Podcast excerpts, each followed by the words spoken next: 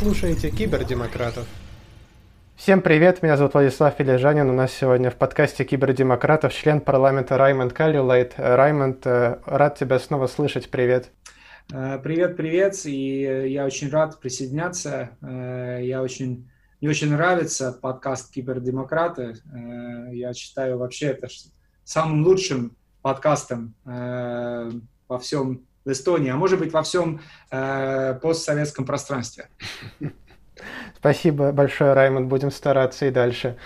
А, но сегодня я хотел с тобой поговорить, э, в принципе, о том, о чем, о всем, о чем говорят все вокруг. Это о чрезвычайном положении, которое сейчас подходит к концу в Эстонии. Как мы видим, к счастью, количество зараженных с каждым днем а, снижается. Однако в то же время, мне кажется, с каждым днем все больше и больше появляется обеспокоенности, связанной с экономическим положением и с тем, как люди будут э, просто дальше существовать и на какие деньги. Да, абсолютно верно. Эм, я думаю, что очень хорошо э, то, что показатели э, распространения вируса, они все-таки уже можно сказать, даже больше, э, чем одну неделю являются э, скорее позитивными, да, то есть мы видим позитивные тенденции. Э, я согласен с теми, кто говорят, что рано еще, может быть, совсем расслабиться и сказать, что теперь все, кризис закончен, но в принципе все-таки, видимо, нам, я имею в виду все наше общество, все наши люди, нам удалось избежать э, самого худшего, такого самого негативного сценария. Но э, при этом, конечно, показатели в экономическом плане станет все хуже и хуже. С каждой, с каждой недели мы видим, растет количество сокращенных, растет безработица.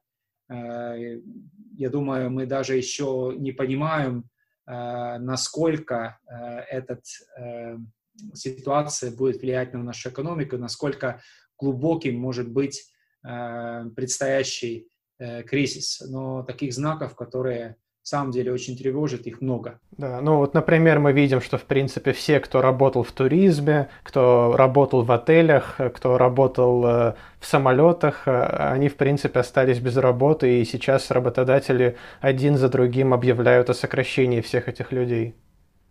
Правильно. Э, и ну, что еще волнует, конечно, что этот, э, этот список очень длинный, да, то есть э, я общаюсь с многими предпринимателями. Простой пример. Пару дней назад я говорил с одним из э, собственников очень успешного ресторана в центре города, и я почему-то был уверен, что люди больше заказывают домой еду, и это компенсирует в какой степени того, что э, люди не ходят на место э, и не заказывают еду. Но он мне сказал, что у них э, доходы упали сразу же на 40%, и они в этом обвиняют, в самом деле, э, правительство и премьера Ратаса, потому что э, правительство сказал, что э, ну, люди понимали так, что все рестораны, все, все заведения, где можно купить еды, они стопроцентно закрыты, когда только речь шла в самом деле о тех ресторанах, которых в торговых центрах. Я не думаю, что просто э, клиенты, которые э, привыкли у них заказать, э, например, там заказать и после работы прийти и собирать с собой даже еду, они этого не делают, потому что они все считают, что ресторан закрыт. А на самом деле они работают. То есть ну, 40% это в этом бизнесе, где э, маргиналы э, очень низкие и конкуренция очень большая, то есть 40% потерей э, в доходах – это, скажем, такая критическое очень положение для них, и если эта ситуация не улучшится в ближайшее время, естественно, они не могут продолжать э, покрывать свои расходы. Ну, в принципе, логично, если правительство просит их остаться дома, значит, правительство должно предложить им какую-то возможность э, пережить это время, что они должны оставаться дома. Я слышал, что правительство компенсирует часть зарплат фирмам, которые в трудном положении, но, по-моему, далеко не всем. Далеко не всем, и ну, правительственными мерами, э, конечно, если нас кто-то слушает, говорит, что да, оппозиция всегда как-то ноет и жалуется, и ничего, ничем не довольна, и никогда в данной ситуации, насколько я действительно очень много общаюсь с предпринимателями, многие этого говорят, что помощь недостаточный и очень долго прошел времени, пока эти деньги реально начинают э, достигать э, предпринимателей.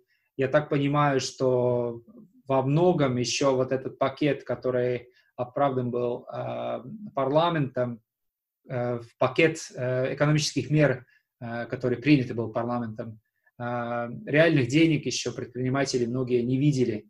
Но кризис длится уже довольно долгое время. И проблемы с э, правилами, не совсем ясно, и это все меняется, кто может ходатайствовать, как это делать, кто квалифицируется, кто не квалифицируется. То есть мне кажется, что здесь э, Ратос и его команда поступили не совсем правильно, делали сразу такой большой, объемный э, э, проект с многими изменениями в законе, э, вместо того, чтобы как-то сосредоточиться на, на эти самые-самые-самые Э, реально нужные меры и их как возможно быстро принимать. И, конечно, мне кажется, и парламент, э, парламент, когда все-таки закон поступил, действовал очень быстро, но все равно я не совсем доволен с тем, как, э, как мало парламент работал, особенно в первой неделе этого кризиса. Мне кажется, что правительственная коалиция в какой-то момент решила, что а, этот парламент нам вообще не нужен. Э, но на самом деле ведь э, бюджетные вопросы и изменения в законе может делать только парламент Эстонии. Поэтому здесь, и, здесь была и проблема э, организа организации работы парламента тоже. Ну вот, кстати, расскажи, а как у вас организована работа парламента? Вы работаете удаленно, наверное, или как? Ну, если, если кратко сказать, то в парламенте такие, скажем, две главные форматы работы заседание комиссии, тогда заседание полного зала. Э, комиссии э, почти сразу перешли на электронные э, собрания, и моя комиссия продолжала работать почти без перерыва. То есть э, первая неделя был э, такой маленький, э, маленькая задержка, но в принципе после этого мы начинали работать как обычно. Э, и я бы сказал, что эти электронные собрания даже лучше, чем э, те, которые происходят реально. Э, меньше людей как-то, меньше политики тратит времени на всякие выступления и, и такую риторику, больше говорят о деле. Это, это позитивно. Но большой зал работает э, точно так же, как и раньше. То есть я хожу на работу, мы собираемся, Эм, но повестка дня была очень худая, это кризисное время, то есть фактически не было законопроектов или были только те, которые непосредственно связаны с кризисом. Тоже непонятно, почему это так, потому что, э, знаете, я что-то не верю, что все 101 э, человек в парламенте э, кругло 24 часа в день занимаются с решением этого кризиса. Я думаю, спокойно обсуждение некоторых законопроектов мог бы продолжаться и в в условиях пандемии. Но с этой недели, в принципе, все вернулось э, к нормальное русло, и э, повестка дня этого, этой недели уже очень такая объемная. И, конечно, все знают, что парламенту предстоит длинный летний перерыв. Я думаю, что если в этом году парламент не будет летом работать, и парламентарии уедут по своим дачам, Э, честно говоря, зачем нам такой парламент, да, то есть э, вся Эстония сейчас в таком частный сектор в кризисном режиме, людям реально трудно. Я думаю, что как минимум э, парламент должен продолжать работать и делать то, что самое необходимое, заниматься самыми необходимыми законопроектами и летом. Да, вообще было бы очень э, странно, если бы парламент разошелся просто по своим дачам, потому что, насколько я понял, если э, работодателям еще что-то компенсируют в определенных условиях, то, например, люди, которые сами имеют маленькую фирму, э, предприниматели, которые сами же себя обеспечивают работой, они оказались в очень трудном положении, и, насколько я понял, им никто и не предусмотрел никаких компенсаций, и то, что у них кончились заказы, это, в общем-то, они должны теперь сами как-то с этим разбираться. Ну да, здесь это просто политическое решение, я это я понимаю очень хорошо, почему э, центристы и сама, и ЭКРЕ Экре такое решение принимали, потому что они же ведь знают, что люди, которые скажем, у которого какой-нибудь там малый или средний бизнес, или кто более успешные, более высококвалифицированные, у которого есть хорошая э, работа или который работает чуть выше среднего, точно не голосуют за эти партии, да, то есть э, это, это простой э, политическая такая расчет, скажем так, да, и э, потому что я, я знаю, например, ну, очень большой часть тех людей, которые работают как ФИА или которые работают именно в таком микробизнесом, то есть они сам собственники своего и через это ОУ предлагают какие-то услуги, они голосуют за соцдемов. Э, и, и просто для, для Ратаса эти, эти люди э, неважные, не думает про них. Это ужасно несправедливо. Э, особенно несправедливо еще в отношении тех людей, за которых платили налоги, которые честно платили налоги все, но теперь, когда им трудно и когда им нужен помощь, они ничего не получают. Да, но это на самом деле достаточно классическая политическая схема, когда решения принимаются для того, чтобы поддержать свою, своих избирателей и наоборот как-то ущемить тех, кто голосует за твоих конкурентов. А, очень жаль, что и в Эстонии теперь это становится нормой. Я все-таки думал, что это как-то у нас э, более все по-человечному. А, но, кстати, что удивительно, экры же себя называют такими защитниками сельской жизни, но меня очень удивило, как они предложили выслать всех иностранцев из Эстонии, оставшихся без работы или там оставшихся в какой-то сложной ситуации, хотя именно эти иностранцы нужны нашим сельскохозяйственным предприятиям, чтобы там собирать урожай и так далее. Они, в общем-то, начали сразу бить тревогу, а их вот э, якобы защитники такое решение хотели принять. Ну, э, да, но Экро вообще, если смотреть на них, э, то есть как правительственная партия, как ни странно, но их риторика, ведь каждый, всегда у популистов риторика такая, что вот мы там будем защищать простых людей, там все остальные э, думают только про свои интересы, а вот мы другие, мы придем, мы будем э, заботиться о том, чтобы людям было легче и лучше жить.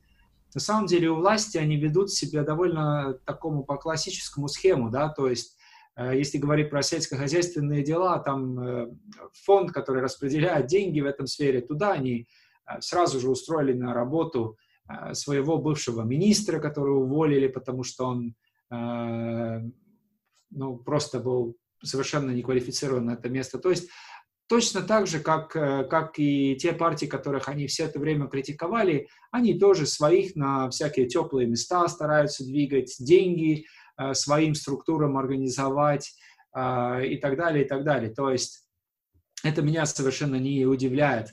Что меня больше удивляет, это то, что, по-моему, в этом правительстве решения принимает партия Экре, а не, не центристы и сама.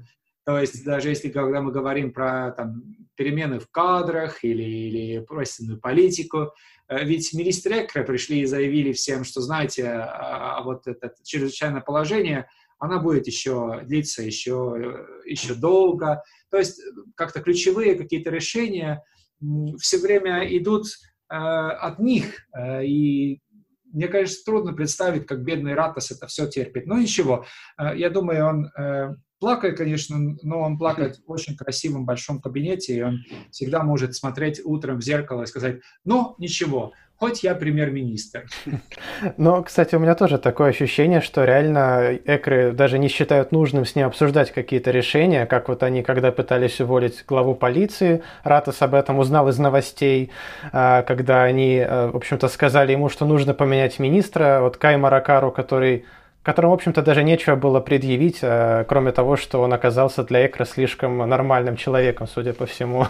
И вообще, мне кажется, поправь меня, если не прав, то центристы – это партия, которая меньше всего получила, а, создав э, эту коалицию, потому что мы видим, что и сама получили пенсионную реформу, Экро получили вообще все свои желания, которые у них были, право э, принимать решения, не консультируясь с премьер-министром и устраивать скандал за скандалом безнаказанно, а центристы получили повышение пенсии на 7 евро. Это, вот, по-моему, все, что могу назвать. Ну да, здесь э, просто чего, может быть, народ не, не понимает особенно э, всегда. Это надо считать, сколько у кого мест в парламенте. То есть э, это, это простая, простая математика. Э, и сама ЭКРА, они, конечно, отдельные партии э, на бумаге, но они создают сейчас такой единый, э, очень сильно консервативный блок, скажем так, да, и у них больше голосов в парламенте, у них больше рейтинга, чем у центристов, они сильнее сторона. И когда идет какое-то обсуждение в ключевых вопросах, в принципе, эти две правые консервативные партии, они всегда э, они действуют вместе, у них есть больше силы, чем у центристов. Это первое. А второе, ведь э, ну, не секрет, что Ратос является неким заложником этой ситуации, потому что это единственная коалиция, где он может быть премьер-министром, а быть премьер-министром – это для него самое главное. Из-за этого, в принципе, например, там, за высказывание против Rail Baltic, которые делали сейчас э, министры Мартин, Мартин Хельме, э, ну, мы все хорошо помним, что когда Михаил Корп, например, Э, там смел сомневаться в, в позитивных сторонах НАТО, его сразу выгнали из правительства. Точно так же здесь, то есть это один из основных принципов этого правительства, что они продолжают развивать Рей Балтика, и теперь фактически э, одна партия э, из правительства просто заявляет, что «А, не, мы не собираемся, мы наоборот препятствуем всячески, чтобы этот проект не реализовать, и ничего не случится. Почему ничего не случится? Случится, потому что нету альтернативы, да, у Ратоса нету альтернативы. То есть э, это все-таки так, что, ну как просто сказать, кто вожатый, да, кто самый главный? То, который может других увольнять. А в этой ситуации к сожалению, Ратас не может увольнять Седер или не может увольнять Хельме, Хельме а они могут лишать его должности. Поэтому, э, поэтому это просто, я помню, э, это был сериал «Бригада» или это был фильм «Бумер», я не помню. Я, я понимаю так, что когда идет стрелка между бандами, первое, что надо спросить, надо спросить, кто у вас вожатый? То вот в этом правительстве, если вы идете и спрашиваете там э, во время заседания, кто здесь вожатый, я думаю, вам Мартин Хельме отвечает «Я». И он говорит правду. Или как Март Хельме говорит, что он альфа-самец. Я думаю, тоже это примерно с тем же значением. А, да, табличка на двери далеко не все решает. Очень жалко, что за эту табличку Ратос, в общем-то, продал своих избирателей, как мне кажется, этим праворадикалам.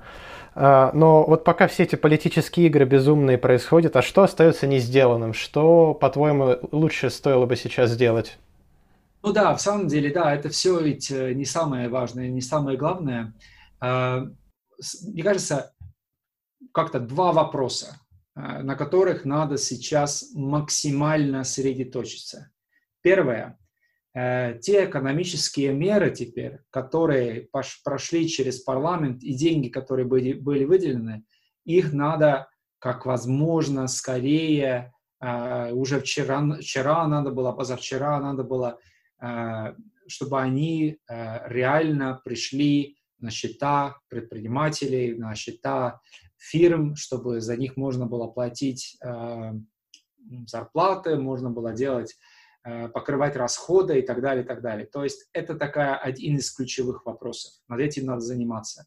И второе, конечно, про что мы вообще сейчас пока не думаем, но надо думать, это касается социальных мер помощи. То есть когда этот кризис началось, э, ясно, что практически никто в Европе не был к нему стопроцентно готов. То есть э, все опаздывали. Это факт. Но ведь э, это опоздание было из-за того, что просто правительство не до конца понимали, насколько большая будет проблема, связана с этим коронавирусом. Но ведь того, что мы э, стоим э, в, начале, и она уже началась, то есть что у нас будет э, очень большие крупные экономические трудности, и в связи с этим э, у людей э, возникает, то есть возникает необходимость помогать людей, чтобы они справились с этими трудностями. Этого мы уже сегодня знаем. Нам не надо ждать до августа, до августа или там до сентября, до, до октября, когда статистика уже будет показывать совсем э, такую катастрофическую ситуацию. Мы можем действовать уже сегодня, уже сейчас. И что меня больше всего волнует, я не вижу э, подготовки, э, работы именно над такими социальными мерами. Ну, простой, простые примеры. У нас была рабочая группа с соцдемами э, в парламенте. Мы создали такой пакет э, мер, своей стороны предложение, пакет мер, там 25 разных предложений. На сайте соцдемов каждый может идти сразу их читать, это там первая новость.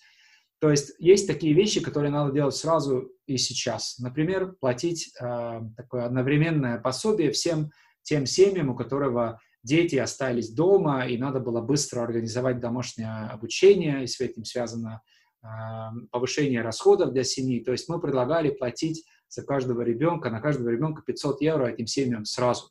То есть, чтобы им сразу помогать. Точно так же, например, плата за детские садики, которые отменили в многих городах, в том числе и Далине, в Таллине временно, но ведь э, его планируют вернуть скоро.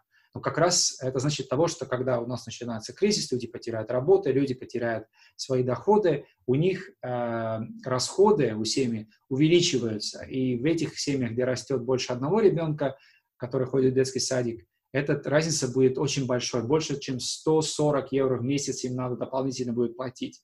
То есть мне кажется логично в такой ситуации, что принимать решение на всю Эстонию – Э, что мы больше не будем э, собирать плату за детские садики, и это компенсируется местным самоуправлением э, правительством. К сожалению, например, Таллинская мэрия на наше предложение сказала нет. Типа, пусть платят дальше родители. То есть, и некоторые вещи такие, которые не требуют, может быть, сегодня уже какое-то действие, но за которыми надо следить и быть готовым, если что. Например, домашние кредиты. Мы знаем сегодня, что банк, банки в Эстонии договорились о том, каким образом люди могут получить э, такой перерыв в платежей э, за домашний кредит. Э, и банки сейчас говорят, что особо что проблем нет у тех, у которых трудности экономические, они могут какое-то время не платить э, банку за свою квартиру. Теперь, если эта ситуация станет как-то хуже, от этих мер принято банками не хватает, э, грозит опасность, что люди будут остаться без, э, без своих квартир, без своих домов, э, тогда уже поздно будет думать, что делать. Нам надо эти меры обсудить, вырабатывая сейчас и при необходимости их использовать. А что, кстати, касается тех, кто живет на съемной квартире, если они не могут платить за аренду, их тоже будут выселять сейчас? У них нету нет такого, вот такой возможности взять перерыв? Нет, здесь в сегодняшний день э, все, что ты можешь делать, это, то есть, если есть компенсация на зарплаты, если фирма не может платить зарплаты людям, если э, можно тестовать, получить компенсацию. Тогда, конечно, если человек останется без работы, но э, работали э, легально, платили налоги, тогда какое-то времени можно получить пособие от, от, от касса, касса безработницы, но после этого арен... людей, которые арендуют квартиру, да, у нас нет никакой защиты. Есть места в мире, например, город Берлин компенсирует и э, помогает, потому что в Берлине очень распространено, люди не, не купят себе квартиры, они их арендуют, поэтому они, у них такая мера именно. В Эстонии сейчас никакой поддержки такой ситуации нет. Тогда просто э, владелец квартиры э, просит вас покидать этот жилплощадь и все. Да, это, конечно, в условиях кризиса и когда нужно сидеть дома официально последнее, что нужно, что может... В общем, далеко не то, что должно случиться с человеком, попавшим в беду. А, да. Но у нас в Эстонии, к сожалению, довольно э, долгое время была вообще такая политика, что если с тобой случится какая-то беда, ты сам виноват, то есть э, сам смотри. И это, я считаю, таким одним из главных, мне кажется, даже миссий или задачей Э, социал-демократов объяснить, что в самом деле такое общество в конечном итоге станет для всех неприятным, и никому не хорошо жить в таких условиях. Мы все-таки должны как-то, конечно, нам нужна экономический рост, нам нужно развитие, мы должны двигаться вперед, у нас должна быть эта вот энергия маленькой страной, которая хочет стать таким же успешным, как другие маленькие страны в Европе. Мы должны все время двигаться вперед, но нельзя делать больше так, как мы привыкли 90-е и последние десятилетия, что если кто-то по этой пути упал, или что-то случилось, или какая-то беда, тогда все просто идут мимо. Нет, э, то есть э, уже не это время. Теперь надо уже думать, как, как помочь, чтобы, э, чтобы максимально все могли все-таки вместе двигаться вперед. Да. Я тоже на самом деле считаю, что вот эта солидарность, это просто потому, что это правильно, уже только поэтому стоит ее поддерживать, но и с другой стороны вообще выгоднее помогать людям подняться, чтобы они дальше могли двигаться, зарабатывать и все вместе развивать нашу экономику, чем позволять им скатиться в бедность и там оказаться на улице. Вот от этого, по-моему, никому лучше не станет. Ну да, и э, солидарность это правильно. Ну и вот мы говорили про негативные новости, но просто я хочу обратить внимание, что я читал тут на днях, что Филипп Киркоров собирается продать свой э, экстравагантный гардероб. Э, у него много одежды, которую они носят. И он обещал как-то доходы от этой, от этой продажи э, пожертвовать, э, и чтобы помочь, э, помочь людям, которые нуждаются в помощи. Э, я надеюсь, он это действительно Филипп Киркоров делает, и не знаю, надо смотреть, что там будет. Может быть, что-то из гардероба Филипп, Филипп Киркорова мне тоже пригодится здесь ходить на работу в парламенте. Может быть, это будет слишком экстравагантно. Но, тем не менее, посмотрите, даже Филипп Киркоров э, намерен быть более э, солидарным, можно сказать, даже до какой-то степени э, думать как социал-демократ. Это и вправду позитивно. Спасибо большое, Раймонд, и э, я думаю, что мы еще с тобой встретимся в этом подкасте